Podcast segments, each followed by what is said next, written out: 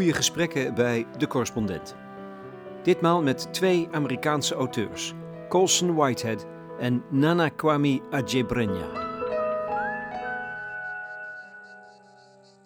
Zelfs na hun dood zorgden de jongens nog voor overlast. De geheime begraafplaats lag aan de noordzijde van het schoolterrein in het oneffen, met hoog opschietend gras begroeide stuk grond tussen de oude werkschuur en de vuilstortplaats van de school.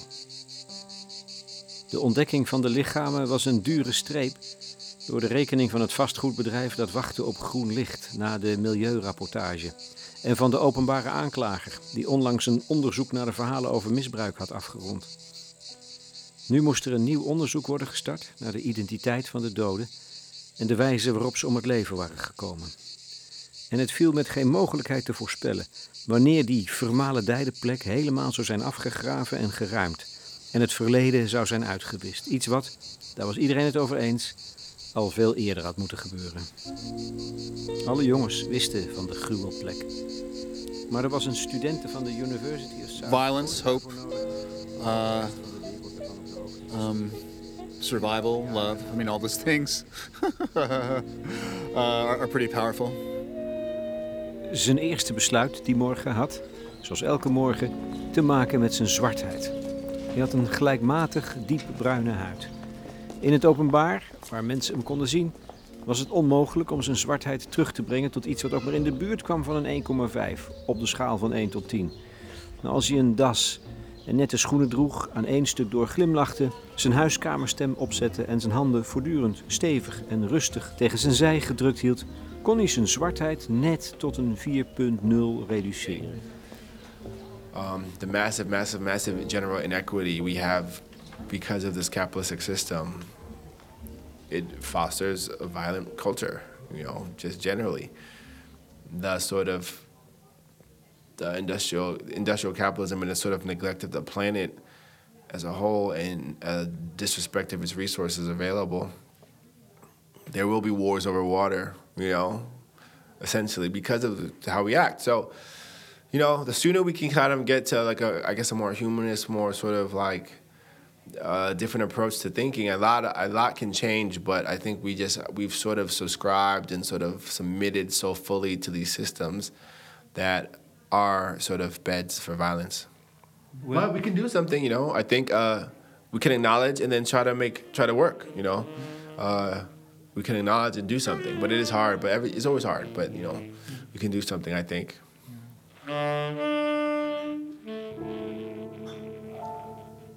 Nana Kwame Adjebrenja is een jonge schrijver uit New York. Hij maakte onmiddellijk indruk met zijn debuut, Friday Black. Een verhalenbundel waarin hij de kenmerken van het huidige kapitalisme op de spits drijft, dystopisch en grotesk. Hij was onlangs in Nederland voor een paar optredens in het gezelschap van Colson Whitehead. En dat is juist een gerenommeerde schrijver, wiens laatste boek ook in Nederlandse vertaling is verschenen, De Jongens van Nickel. Whitehead herkende het talent van zijn jongere collega onmiddellijk. You know, his first book, I never heard of him before, and it was before there was any sort of the re- reviews or any hype about him. And so I came in not knowing anything, and you know, the first story was so startling, um, and then uh, the momentum continued, and uh, it was nice to see just someone of his generation uh, dealing uh, with late stage capitalism, 20th century, 21st century racism in America in this new and startling way. So it's nice to have someone uh, you recognize as a, as a comrade, and then nice to see someone uh, start off their career in such a, um, a powerful way. Nou, dat is iets om blij mee te zijn als je net komt kijken, denk ik. Wat vindt Nana Kwame op zijn beurt van het werk van zijn beroemde collega? Um, I absolutely enjoy Colson Whitehead's work. I think he's one of the, I know he's one of the more important American writers. Um, and thanks so much. And it's uh, been, uh, I feel very lucky that to like kind of know him now, you know. But I think what he does is that's so impressive for me is he's not, uh, he's not bound to be any one thing. Which um, even this though this is just one book, I try to strive for. You know, he's written Zone One, a zombie book essentially. Um, he's written a book about an elevator inspector. He's written a book about a reform school that is racist and abusive. He's written Underground Railroad, you know, and this is one guy.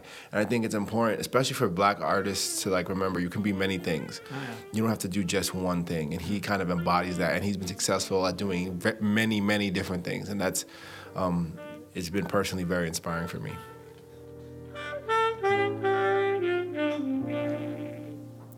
Whitehead en Ajay Brenya waren tegelijk in Nederland.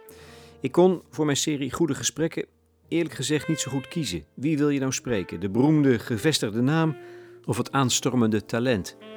Ze schrijven allebei op een indrukwekkende manier over een van de grote thema's van onze tijd: racisme. Nou, vooruit dan. Ik heb ze allebei gesproken. Twee totaal verschillende persoonlijkheden. De een geresigneerd, de ander uitbundig. Twee verschillende stijlen ook. Neem de eerste zin van de jongens van Nickel. Even in death, the boys were trouble. Er zit bittere ironie in. Want die jongens, die zelfs na hun dood nog voor overlast zorgen, zijn wel zwarte jongens. En eigenlijk zit hier in een nutshell al het hele verhaal. Dat getuigt van meesterschap. Yeah, I mean, I, I plan a lot. I know, I know the beginning, beginning and en- ending before I start. The middle can be fuzzy, um, but if I know what's happening on the last page, I can write the write the first page, and prepare uh, the story adequately. And so I, I always think that the first chapter is always pointing to the last chapter, and that's because I, you know, I plot things out. Adjei-Brenyah citeert in Friday Black, bij wijze van motto, zijn moeder. How can you be bored? How many books have you written? En dat is vooral grappig. Het is ook typerend voor zijn verhalenbundel. Die verhalen geven een grotesk, sterk overdreven beeld van racisme, consumentisme en gamegeweld, maar je ervaart het niet als zwaar. Hij heeft het opmerkelijk licht weten te houden op een of andere manier. Hij heeft net een kopje thee gekregen en doet er wat honing in. Uh, I think uh, I was just thinking as I put this honey in this tea, like sometimes you need a little bit of sugar for the medicine. Um, and generally, though, also I think it's important to be engaging. And so if I do that through humor or whatever means I do that, uh, I try to uh, I try to find a way to make the story entertaining. You know, I think uh, educational or uplifting and, enter- and entertainment and, edu- and entertaining don't have to be mutually excu- exclusive to each other. Um, it's a big part of my project, actually. I want every story to feel like something someone would like to read. Yeah. That said, Even if it's about youngsters who, who take revenge and start killing other people. Yeah, even if it's about um, really intense uh, racial violence, even it's about the sort of depraved, the depraved nature of capitalism, whatever it is. Um, I think there's a joke in there in, so- somewhere, and sometimes the the punchline of the joke is actually this isn't funny, you know. So I think just playing right along with that, it, being in that space of it's funny because it's absurd, but also it's sad because it's real. de schrijver als entertainer. Er is nog een opvallende trek in zijn debuut, Friday Black. Met groot gemak overschrijdt Ajay Branya de grens tussen leven en dood. Alsof er veel meer is, zowel voor als na dit aardse bestaan. Zit daar misschien iets in van een Afrikaanse erfenis? Zijn beide ouders komen uit Ghana. Mm, I wonder. Uh, maybe it does. I'm not sure. But you know, my parents, they're very. Both of them are pretty religious. They're both pretty um, into their Christianity and Christianity, and um, so even there, though, there's a lot of post-death kind of happening. Uh, um, where How is that for you then? Is that something alive, this idea? Yes, um, and it's something I think about a lot. I guess right now of sort of what the the space between or before or after life. Um, I do think it is some. I do. Yes, it is. Uh, but I'm just, I, you know, I can't say like definitively this or that, but I do think about that a lot, and I do. I think part of my work is interested in just like that question and the feeling of like some kind of feeling something, eh, but not being able to like say, say it or touch it, but knowing it's it's real. hmm And um, yeah, and maybe and it's kind of makes it something that's worth exploring infinitely. You know, you won't ever you won't ever exactly grab it, but there's something there. Over culturele erfenis en ouderschap gesproken. Colson Whitehead is zelf vader van twee kinderen. Ze zijn 6 en 14 jaar oud. Ik vraag hoe voed je kinderen op in een tijd van institutioneel en virulent racisme? En dat vooral ook van angst. Angst voor de toekomst. I don't know. I mean, when I was 15, the world was terrible. It was the height of the Cold War, and I grew up thinking any moment uh, nuclear bombs were going to destroy the world. Um, uh, my father and, mother grew up in a time um, uh, where their rights were severely constricted.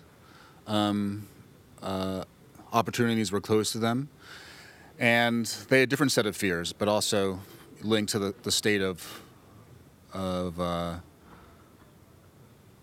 how terrible the world can often be. So, um, you know, you can tell your kids how the world works. You can give them a loving place of safety, and then a lot of it is up to them. And you know, your parents lived through the the change then.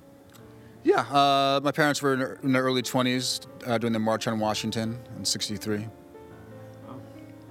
They were there. Uh, they were actually were there. I mean, I think it was hard. It was hard not to go. It was so inspiring, and uh, and if you look at those faces, uh, there's a lot of people's uh, black and white. Their their parents, their grandparents, and uncles and cousins who who went there that day.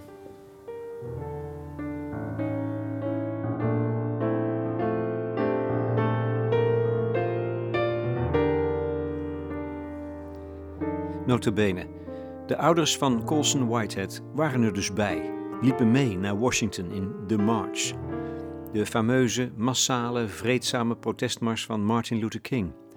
Het zijn de jaren 60, toneel van heftige strijd voor gelijke rechten van zwarten. Dat speelt op de achtergrond van The Nickel Boys, de nieuwe roman van Whitehead over een tuchtschool in Florida. In het echt de Dozier School for Boys, waar met name de zwarte jongens misbruikt en mishandeld werden. Ze zijn ten prooi aan rechteloosheid en een flink aantal wordt zelfs op sadistische wijze doodgemarteld. Een van de jongens is geraakt door de boodschap van Martin Luther King, de charismatische dominee. I still have a dream. It is a dream deeply rooted in the American dream. I have a dream that one day this nation will rise up live out the true meaning of its creed. We hold these truths to be self-evident that all men are created equal. Werp ons in de gevangenis en we zullen jullie nog steeds lief hebben. Werp brandbommen naar onze huizen en bedreig onze kinderen. En wij zullen, hoe moeilijk dat ook is, jullie nog steeds lief hebben. Zend jullie gemaskerde geweldplegers in het holst van de nacht naar onze woonoorden. Sleep ons naar een verlaten weg. Tuig ons af en laat ons voor dood liggen. Wij zullen jullie nog steeds lief hebben. Maar wees ervan verzekerd dat wij jullie zullen uitputten met ons vermogen om te lijden. En dat de dag komt dat wij onze vrijheid zullen veroveren. Wij zullen niet alleen vrijheid voor onszelf veroveren, maar we zullen jullie hart en jullie geweten zo aanspreken dat we daarmee tegelijkertijd jullie zullen veroveren. En onze overwinning zal een dubbele overwinning zijn. I chose 63 because uh, the civil rights movement has seen gains. It's made advances in, in protests and boycotts. Um, you know, a few years away, we get the Civil Rights Act, the Voting Rights Act, that um, eliminates uh, uh, a lot of the legal impediments, um, at least on paper. Uh, but, it, but it is also the height of, of, of Jim Crow, uh, the, the, laws that restrict black life and movement in the South, um, the height of segregation. And so, so we have both those things going. We have hope and also uh, the old systems that won't die, that grind us down.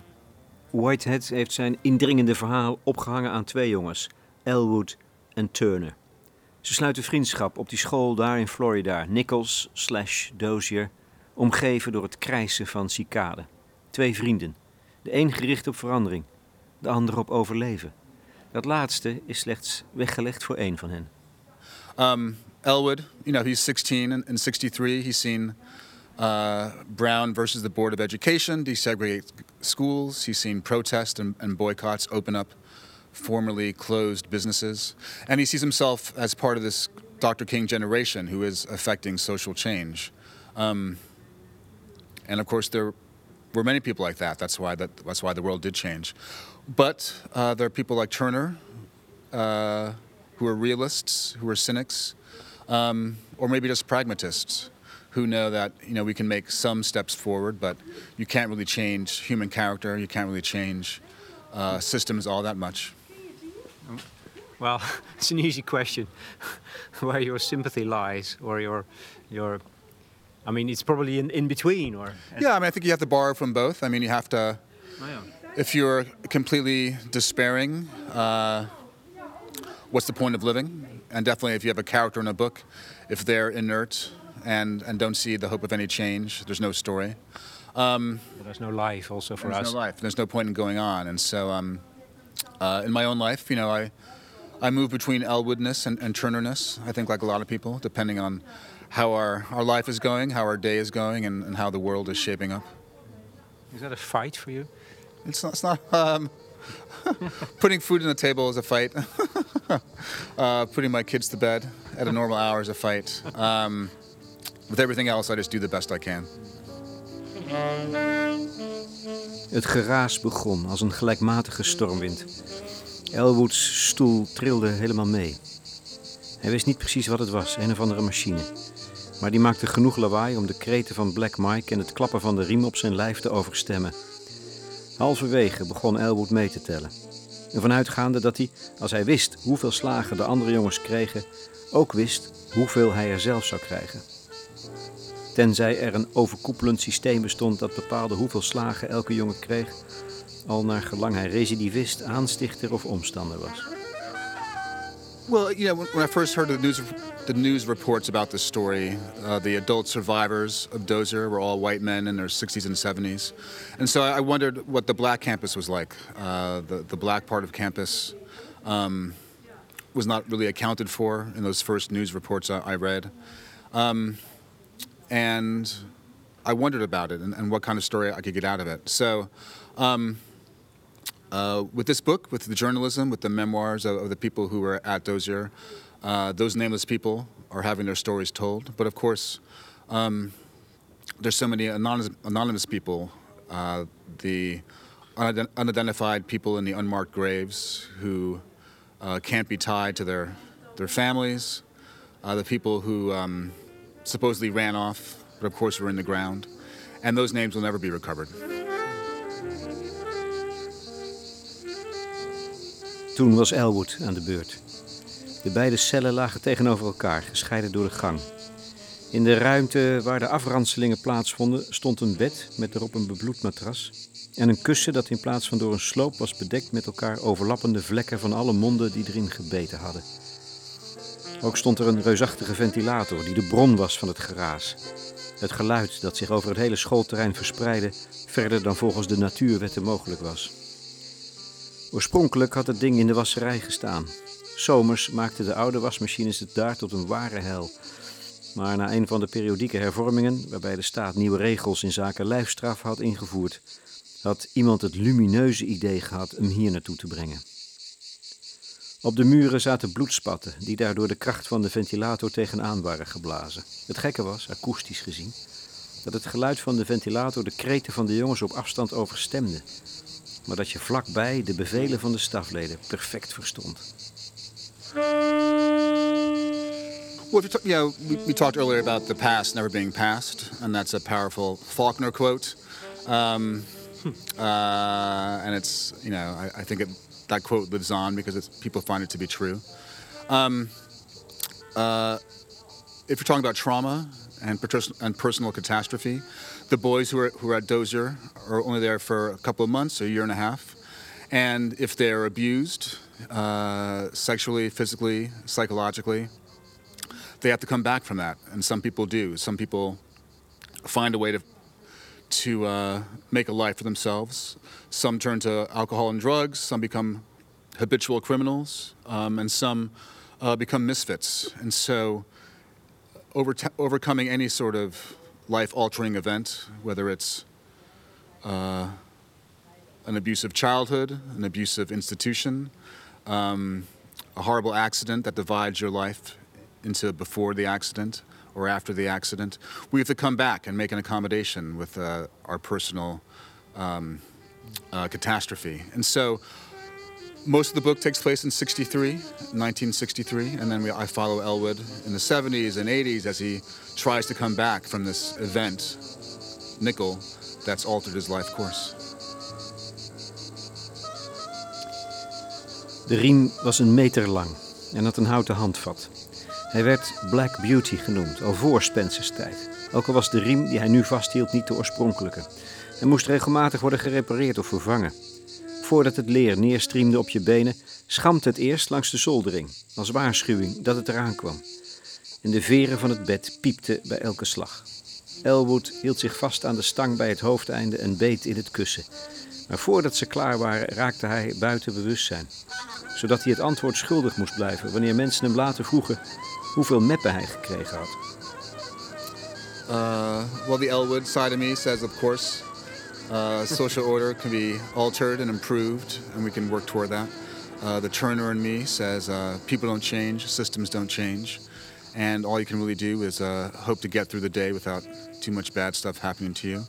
And like you know, like most people, I vacillate, you know, back and forth. Um, right now, I think we're in a time of, of desperation, not just in America, but in the world with conservative governments and, and demagogues rising to power. Um, and perhaps that's that's the cycle of history that we we move forward and then move back all the time. Quite desperate, right, for now. Yes. Now, yeah. I think things will get worse before they get better, but I assume eventually they'll get better, and then we'll have to deal with the environment and climate change.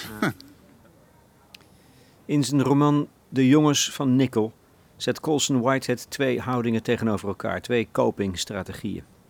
De naïeve hoop van de ene jongen, Elwood, het cynische realisme van de ander, Turner. Ja, maar de onschuld zal toch hoe dan ook het onderspit delven? Uh, it's nice to be innocent. I think innocence is good. It's not necessarily appropriate for every circumstance. And uh, being cynical or pragmatic is good, but it's not applicable in all circumstances. Um, if you uh, are naive enough to think that by marching and, and boycotting, uh, you can change uh, racist laws in America, as Dr. King did, uh, then maybe it will happen. If you don't believe it, it's never going to happen. Um, if you uh, um, are naive enough to think that the world will not try to destroy you if you do stand up for, for freedom and liberty, um, you might wake up one day and find out that you've been assassinated. Um, so, uh, you know, all these things uh, are are useful and not useless, not useful depending on circumstance. It's uh, it was bad luck that Elwood hitchhikes in a, in a stolen car. Um, if he'd gone, if he'd left home five minutes later or five minutes earlier, his life would have been different. Um, and then there's a and in terms of the other kids at the school, uh, what is it? What's that magical quality that makes one kid forever ruined by going to Dozier or Nickel? And what is the quality that makes someone who's been abused there find their way in life? What is that magical um, element that saves, that, that separates the drowned from the saved? yeah. What's that? What, what is it? What is it? I mean, I'll, I'll even, I mean, it is fate, and it's also um, who you, you know, beyond optimism, beyond pessimism, who you are in some, you know, spiritual core. I'm not sure. I'm not sure. You know. southern trees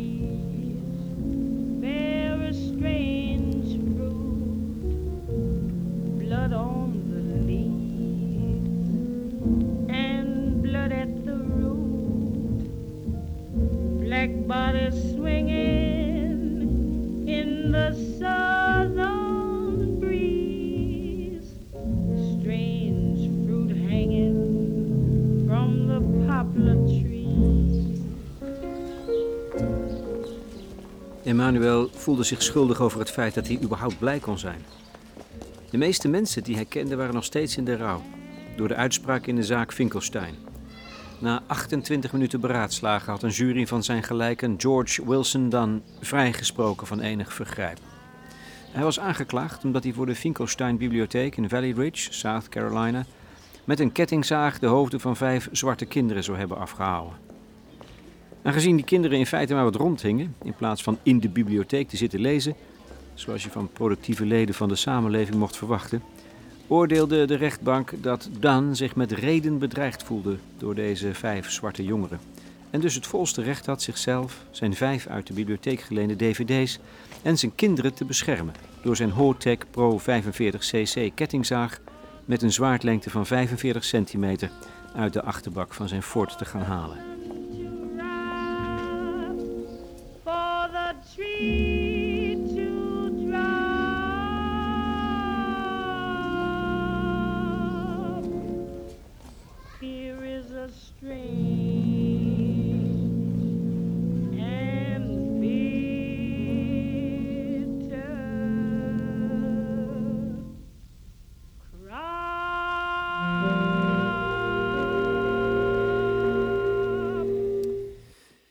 De vijf van Finkelstein van Nana Kwame Adjebrenja.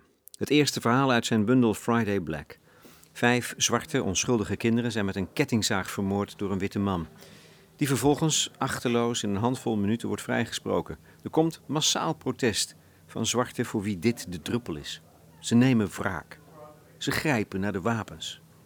it's sort of, and I mean, I, I remember when I was workshopping it, I worked with um, George Saunders as one of my mentors, and I was thinking like, you know, is this okay or whatever? And he was like, you know what, it's fine because everywhere actually, violence is met with violence. You know, that's like a typical human response. Um, and so I think what the story is about is tracking one character's sort of exhaustion and eventual sort of uh, sort of getting pushed to his breaking point um, in the context of a country that has maybe done the same. And so um, I think, you know, it's not necessarily like saying, like, you know, this is a thing you should do. It's more like this is what we're doing now is wrong. And like what, like, you know, and, and sh- we're trying to f- do in these other means. But um, how you know what is the world going to do when we when the when the world when when one community decides to stop accepting this violence? You know what's going to happen then and i think uh, artists and also uh, people in general like are, are very open to trying. And i mean in fact of any community that's maybe existed i think in american context anyways i think black people have suffered most without any type of violent response. Um, back. But um, in like in like a, you know in these sort of recent contexts you know i think people sort of cite like i don't know breaking windows or something. And you know what is a window and like when we're talking about lives that have been lost and are continuing to be lost but um no i don't think it's sort of necessarily invitable but there's a character in the story who says who is innate who is one of the people attacking and killing, and she says, um, "If I had words left in me, I would not be here." You know, and for me, I still have words left in me. You know, I still have a lot of other means left in me, but I, I think what I'm what I'm sort of saying is that uh, this is a problem that's happening. Like, I don't think that, sometimes I think the world sort of feels, oh, it's okay, it's just some black guy got killed, and you know that can't People go on looking forever. away. Yeah, and that's um, you know, that can't go on forever.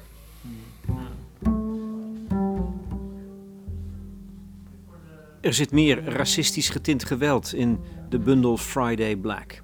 Het verhaal Zimmerland speelt zich af in een soort pretpark waar je games kunt spelen for real.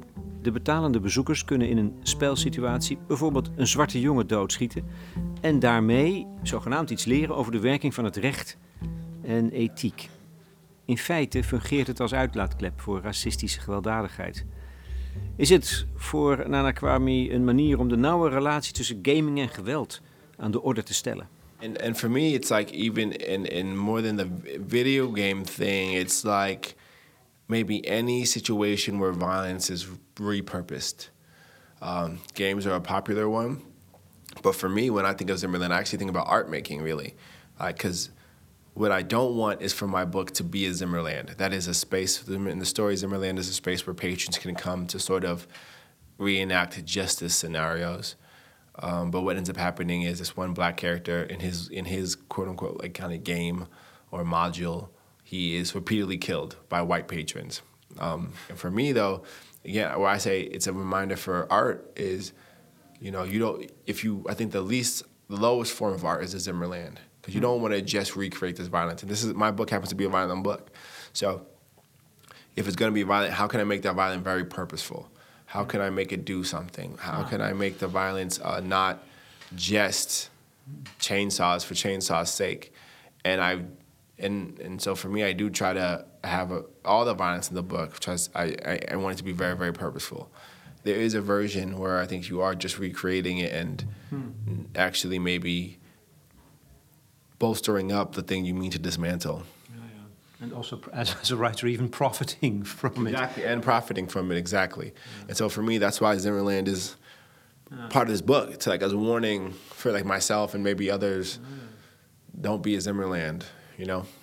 Because you can also read it as, as an image of the game world where, where we get used to killing. Yeah, with the with video game culture, you know, I do.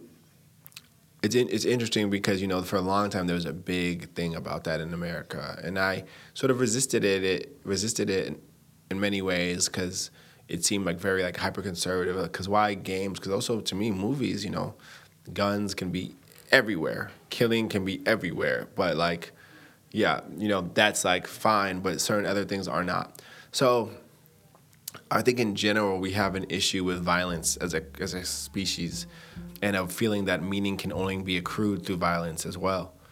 That is like, war is like the end is like the ep- ep- epitome of human experience or something, you know. So I, I think that's a problem in like our perception of ourselves. So, um, I, but uh, with the game culture, there are a lot of popular games that are very violent, but I think games are also a great place for like intense creativity and sort of great storytelling. Actually, I really think games are like a huge, amazing, uh, overlooked storytelling medium. And so I think uh, again, so whether it's games, whether it's movies, whether it's film, television, or books, I think just being intentional with your violence is key.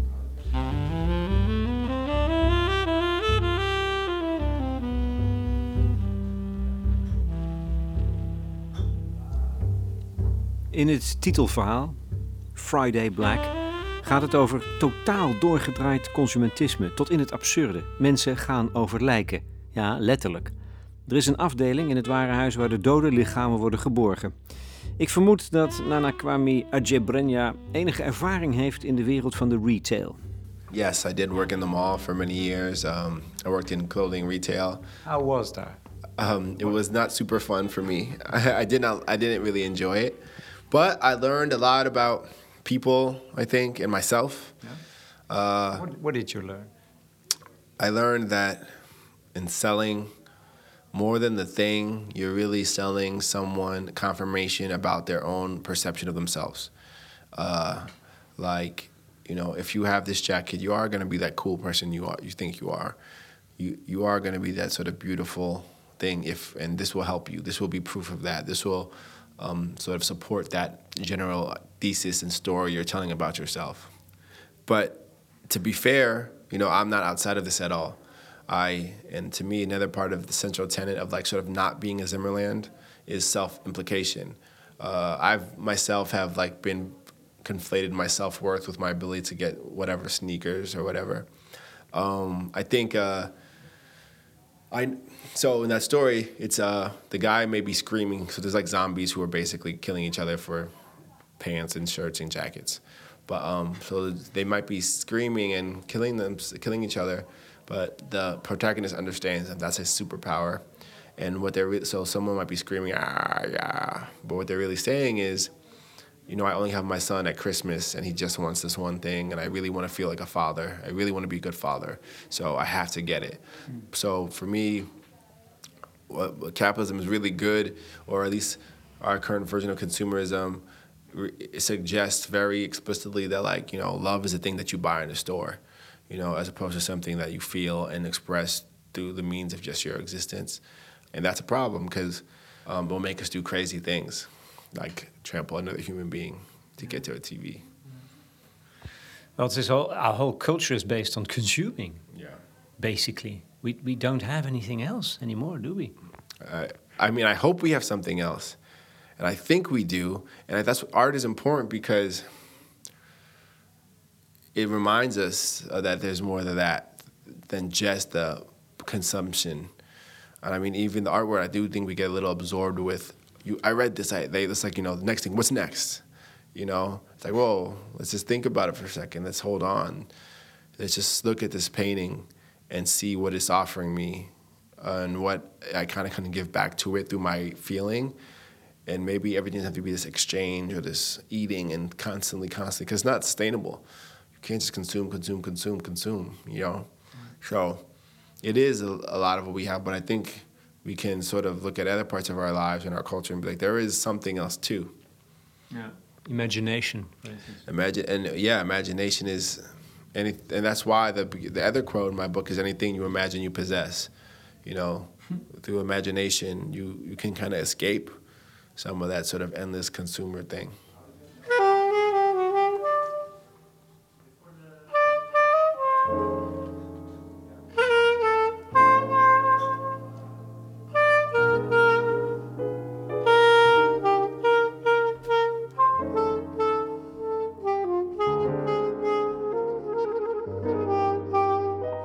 Twee boeken. Talloze vormen van geweld, extreem geweld, behoorlijk confronterend. Colson Whitehead heeft ook een briljante roman op zijn naam staan over de slavernij. De ondergrondse spoorweg, en dat boek ligt er ook niet om. Is schrijven misschien een manier om iets meer van dat geweld te gaan begrijpen? I'm, I'm just a guy walking around, so I have deep theories about human nature. I know that uh, human beings are deeply flawed, and we find it very easy to uh, commit acts of evil if we think we can get away with it. And the power the powerful often oppress the you know the powerless. Um, I understand the impulse to violence. I understand sadism uh, in a in the in the scale and depravity uh, in the Underground Railroad and, and Nickel Boys. Um, and thankfully, you know, a lot of people don't understand how people get there. Um, You don't understand or do? I mean, most people cannot find it in their own natures to be as evil as the people I'm talking about, uh, but a lot of people do, and um, and uh, it's quite unfortunate for everyone. I'm sure some of the guards at the at the Dozier School who abused the kids went home and are very nice fathers and uncles. Um, so how do you explain that split? How do you explain uh, how you can totally erase the humanity of someone else and then come home and be a loving husband, loving loving parent? Um, whether it's race or religion or you know gender, uh, social class, or because some cavemen over there are trying to steal your water. um, you know, we find it very easy to, to demonize and and uh, and uh, make our opponents to make opponents and then make our opponents into something less than human. Um, perhaps that's part of being in the world, making having an, an us and them, having an I and the other uh, that we need somehow, and then maybe uh, it's a malfunctioning characteristic uh, when it comes to groups of people. Um, yeah. So it's just a matter of this, this is how the world works. you mean. Uh, this is people. I mean, I think, and if you look at civilization 2,000 years ago and uh, uh, civilization now, you know, we're basically the same creatures. Do you, do you, do you have hope also? Um, yeah, I mean, there's beauty in the world, and there's also terribleness.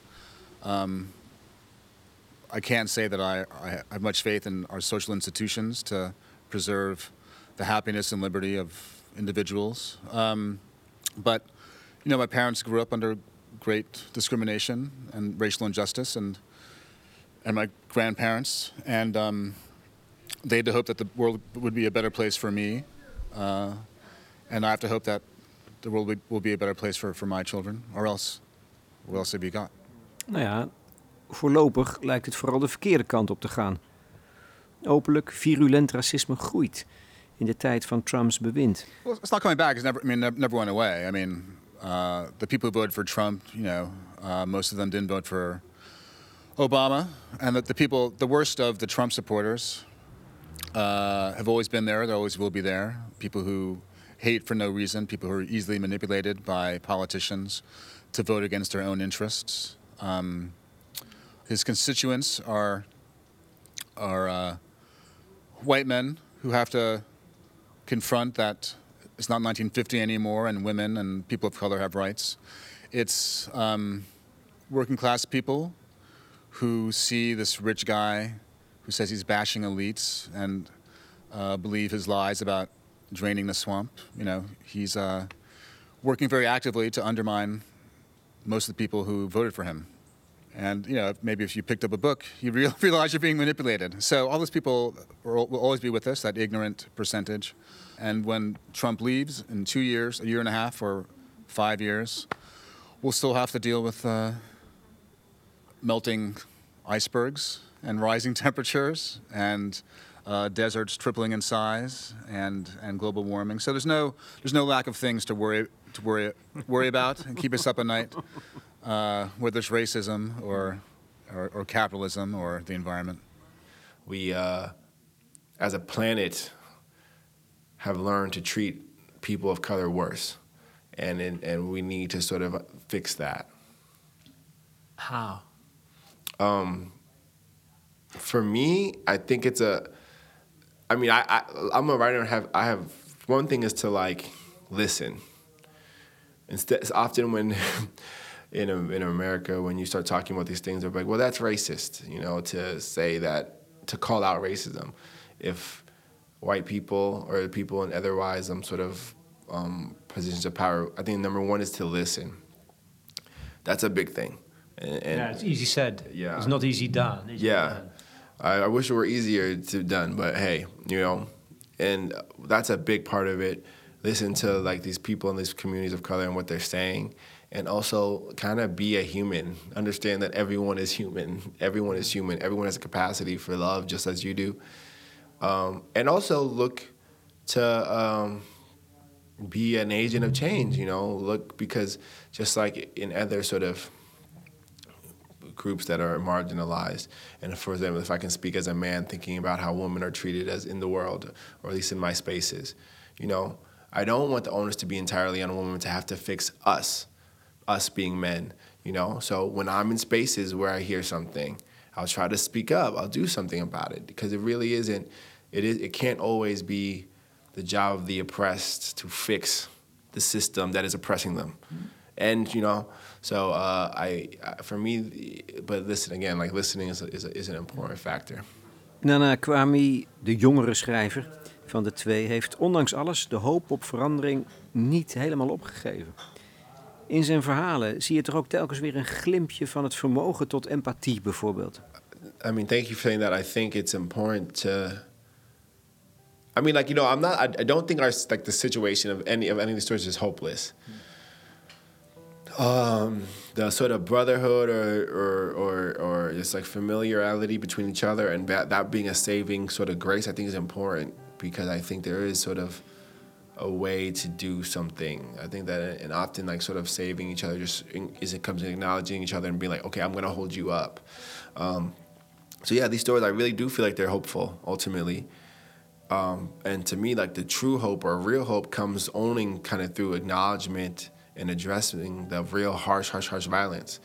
If you try to skip over the dark reality of the world to get to uh, something like hope, I think it's that hope is false. I think that hope is flat. I think it's a lie, and I think it's a dangerous lie because that's what kind of gets people to be like, "Oh, it's just fine. We were never racist. We weren't. We didn't do slavery. You know that kind of thing. Or we, uh, it's fine. Don't worry. Mo- women are complaining. No, there's a problem that needs to change, and it's hopeful if you would, if we because of course I'm in this too. If we would sort of be less inclined to not listen to the people actually literally begging you to see them as human, you know, begging you to not crush them. So yeah, I do think there is a lot of hope, but I think you have there's a lot of muck to sort of work through to get there.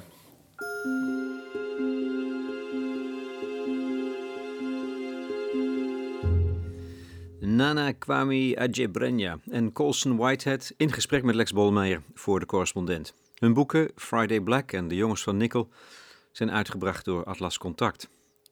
Leden van de correspondent kunnen reageren op het platform, bij het forum.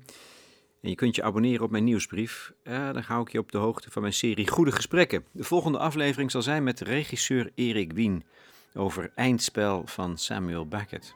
En dan de muziek tenslotte. U hoorde onder andere Strange Fruit van Billie Holiday, een klassieker. En ook Left Alone, maar dan in de versie van de oude rotten Mal Waldron en Archie Schaap.